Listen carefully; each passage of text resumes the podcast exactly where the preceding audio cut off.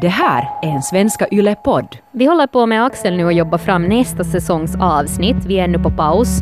Vi kommer att göra en ännu bättre version av Imperfekt än den du nu hittills haft vara med och ta del av. Eh, men därför så skulle vi behöva just din hjälp också här. Din input och dina erfarenheter. Ehm, så välkommen! Jag heter Myt Engström och tillsammans med Axel Brink så tar vi dig nu bakom kulisserna av podden Imperfekt.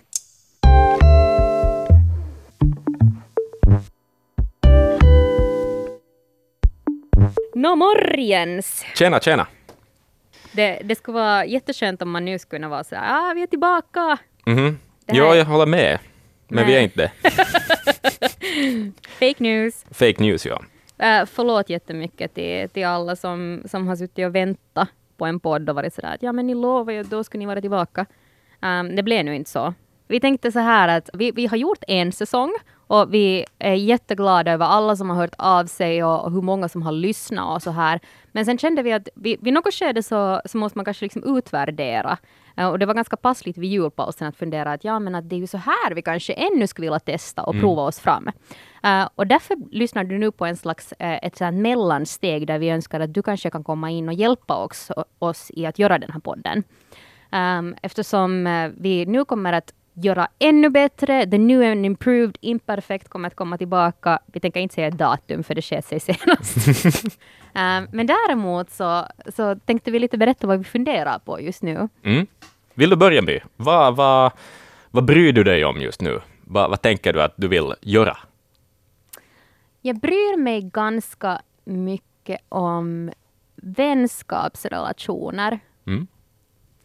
Det finns väl en massa liksom, äh, idéer som jag har funderat på. Allt från mina mörka hemligheter om hur jag sysslar med timtal med att läsa skvaller på internet.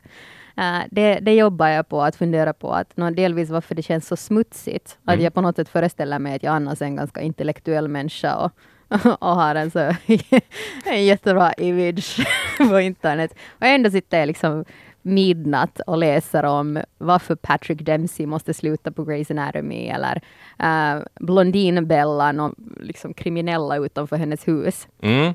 Det här har hänt, Axel. B- Båda de här sakerna. Det är inte någonting du hittar på. Nej, nej, nej! Har du Oh. läst om Blondinbellan? Jag vet ju vem hon är, ja. Ja, men hela det här drama under hösten med att hon har måste fly utomlands och, och hennes Ah, ex oj. som hade ljugit om sina pengar och så visade det sig att han, han är äh, jätteskuldsatt Oh. äh, och har använt hennes namn för att få ut lån och grejer. Oj, hjälp. Jag vet, det här, det här är, alltså det, det är purt skvaller.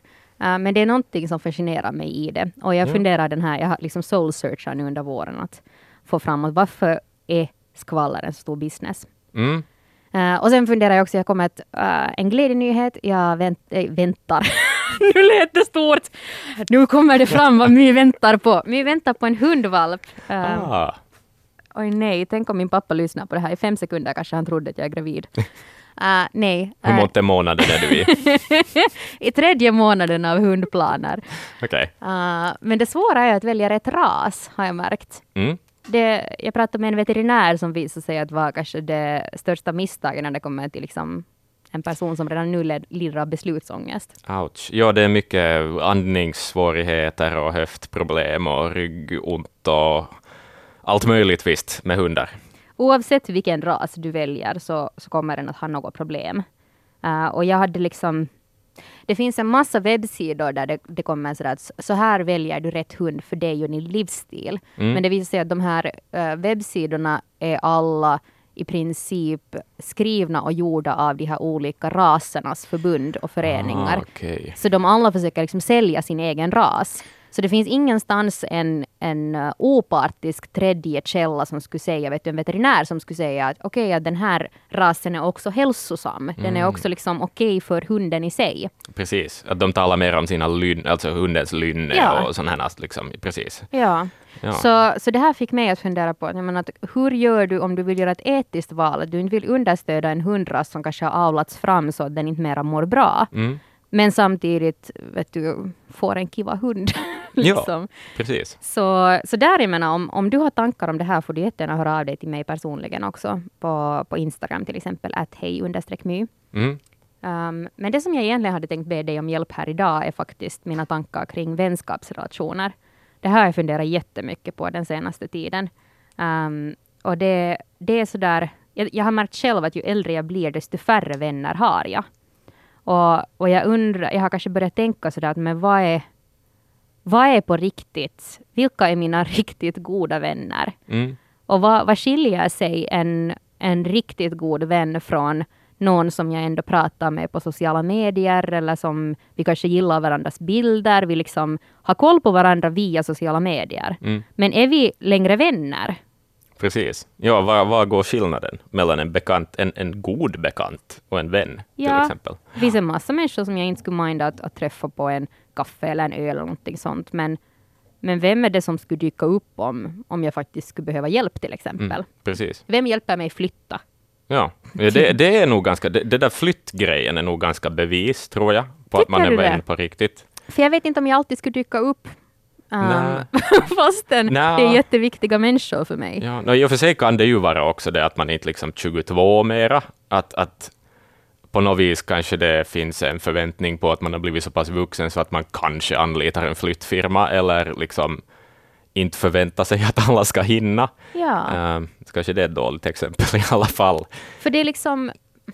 Jag Mm. tänker kanske skillnaden mer att om du skulle ligga på sjukhus Mm. eller eh, du verkligen skulle behöva en vän. Mm. Men att flytta är ju precis som du säger, det, det handlar inte om liv eller död. Och Nej. det är inte som att vänskapen är över om personen inte hinner komma och hjälpa bära din soffa. Nej. Nej. Men det är, absolut, det där används ofta som ett test. Hur, hur många vänner skulle du säga att du har?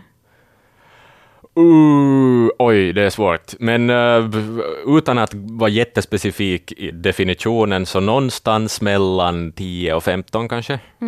Sådär. Ja. Um, jag vet inte om 15 per skulle komma till ett sjukhus och hälsa på mig, men mm, jag vet inte. Ja, nej, men där någonstans mellan. Jag, jag tror liksom att jag skulle svara ungefär samma antal, Mm. ungefär.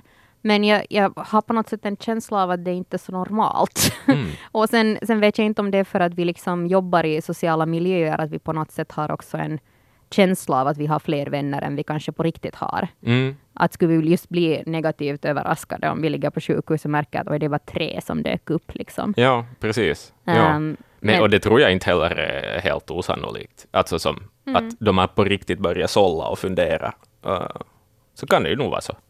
Så det här på något sätt, jag menar jag skulle vara jättenyfiken för det finns säkert många som, jag, jag har andra kompisar sen igen som jag vet att räknar in i sina närmaste vänner, till och med människor de aldrig har träffat, Mm. alltså på riktigt, utan de har kanske via um, en person är jätte, ett passionerat fan av en artist Mm. och har via det bondat med människor från olika länder som den aldrig har sen träffat på riktigt. Okej. Eh, ja. Men de, de har jättedjupa diskussioner via liksom nätet sen igen. ja. Men det Eh, där är ju fasc- jättefascinerande. ja. Faktiskt. Ja.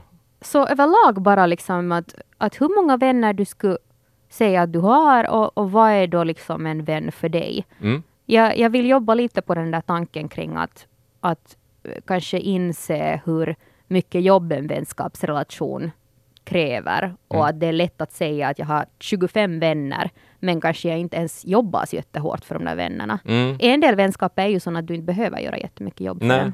Hej, men vad spännande. Jättespännande tema. Ja, Eh, tack så det finns ju mycket. massa att, att säga kring det. Jo, och det kommer det ju att komma en, en riktig podd om. Men att vid det här skedet så, så tar jag jättegärna emot liksom din input på då. Vad är det du tycker att en vän är och hur många vänner du har? Liksom, hur Mm. definierar du den? Var går dina gränser? Har du olika kategorier? Mm. Kanske det finns minvänner, kanske det finns nätvänner, kanske det finns kaffevänner och så vidare. Mm. Det här vill jag allt på riktigt höra om för att det hjälper mig lite bredda bilden av men, hur pratar vi om kompisar. Så skriv till mig på Instagram, att hej my om det här. Nice. Vad har du funderat på? Hör du, du talar om vänner. Jag, tänkte, jag har tänkt en del på, på ensamhet, eh, faktiskt. Så Eh, mörkt på något det, vis. väldigt, det, ja, det blir lite tvärtom här, men, men jag tror att det på ett konstruktivt sätt skulle jag vilja ta upp det. Och det är en specifik sorts ensamhet som jag, jag skulle vilja titta på, för jag har eh, dels vänner som har råkat ut för den här typen av ensamhet. Och den verkar väldigt tung. Och det är det att man flyttar till en annan ort, um, till exempel på grund av att ens sambo eller pojkvän eller vad det nu än må vara, kanske har fått ett nytt jobb eller en studieplats eller något i den stilen, och att man liksom följer med för kärlekens skull, för förhållandets skull, utan att kanske komma till ett sammanhang, utan att komma till, till, något, till en vardag liksom, Mm. uh, på, den, på den nya orten. Så det, där, det, det, det skulle jag vilja prata om. Det är ju ett stort steg och det, där, och det är ganska självklart att man följer med, uh, liksom om, man, om man har ett förhållande. Men att hur borde man hantera det på, på det bästa sättet? Man borde kanske jobba lite före, tänker jag, och liksom försöka hitta ett sammanhang, hitta någonting att göra och inte liksom bara följa med utan en plan och så vidare. Att, att Mm. Där skulle jag vilja ha människors erfarenhet, att, att um, folk som kanske har gjort det och, och inte känt att det har lyckats, Mm. och folk som har gjort det men fått det att funka. Um, och så där. Att uh, på något vis, liksom att, att man skulle lära sig någonting av det. För att, att jag ser det som eh, lite ironiskt på något vis, att man, man följer med för kärlekens skull, men sen kanske det de facto bara tär Mm. egentligen. Och, och det där, hur konstruktivt är nu det, um, kan man tänka.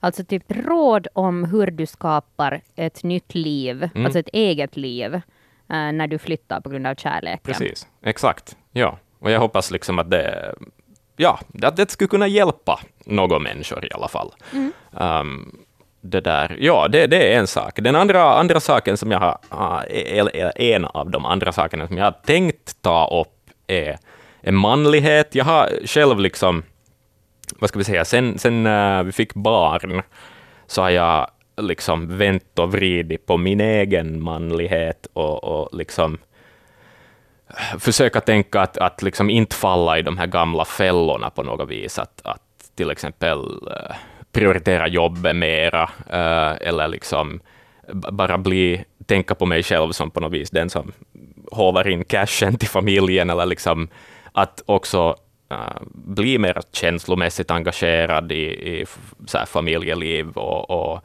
ta på något vis samma ansvar över, eh, över hem och, och allt sånt här. Att, att det där, man talar ju mycket om idag att, att mansrollen på något vis är i förändring, att det, att det um, en man förväntas vara mer känslomässigt engagerad i saker och ting. Um, liksom uh, skippa mycket sådana här uh, kanske toxiska sidor av, av hur man, mansrollen har varit. Um, inte vet jag, våldsamma tendenser, avundsjukskänslor, känslor, allt, allt liksom. Um, allt möjligt sånt här.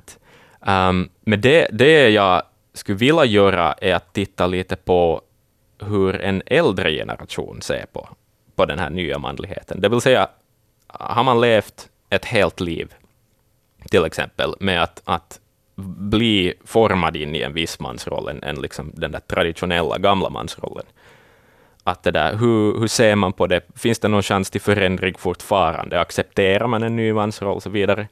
Så av eh, liksom, unga lyssnare så skulle jag vilja höra om, är det någonting ni kan tala med till exempel era pappor om, eller en farbror, eller en muffa, eller vad det nu än må vara, liksom, att någon, någon som är medelålder eller äldre, att, att kan man tala om förväntningar av sin manlighet och kan man problematisera sin manlighet tillsammans med dem? Det tycker jag skulle vara jättespännande att höra.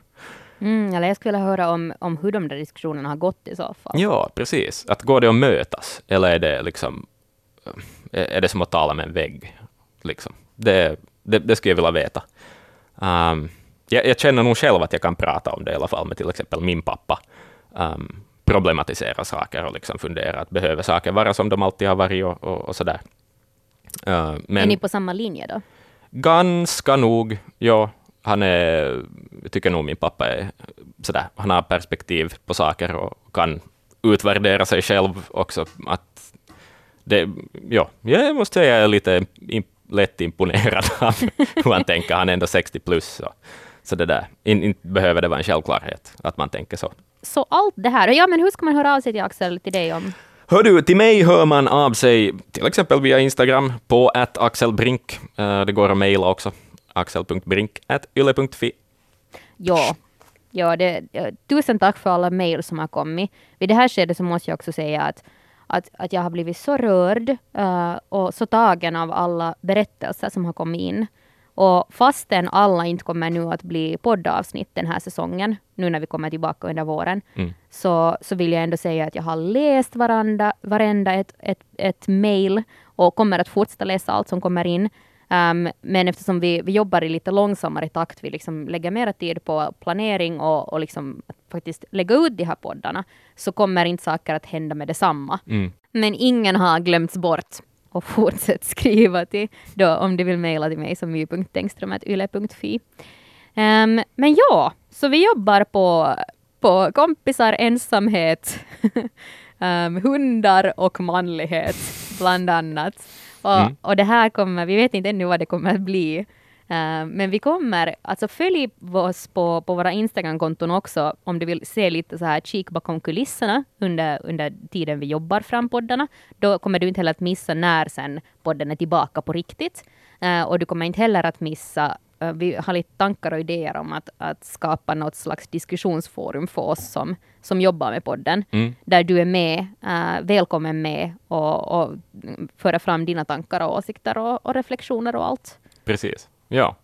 Så, så det ska vara jätteroligt om du är med. Det, det känns så kul att göra det här när det också känns som att du är en aktiv medver med- medverkande spelare i att, att forma innehållet. Exakt. Varför pratar jag så komplicerat? Är det, nu när jag inte har poddat på så länge, så mitt i att låter jag som vet du, modersmålsläraren i lågstadiet. Ja, och jag brukar nog också prata som någon konstig speech robot ibland. Det är som Google Translate det här. Och medverka i att forma vårt innehåll. så att vem pratar på det sättet? Men skärp dig. Herregud ändå. Ja, Jag har ingen sagt åt dig att du talar sådär. Vi är tillbaka i en snar framtid. Ha det bra! Yeah. Hej då, alla.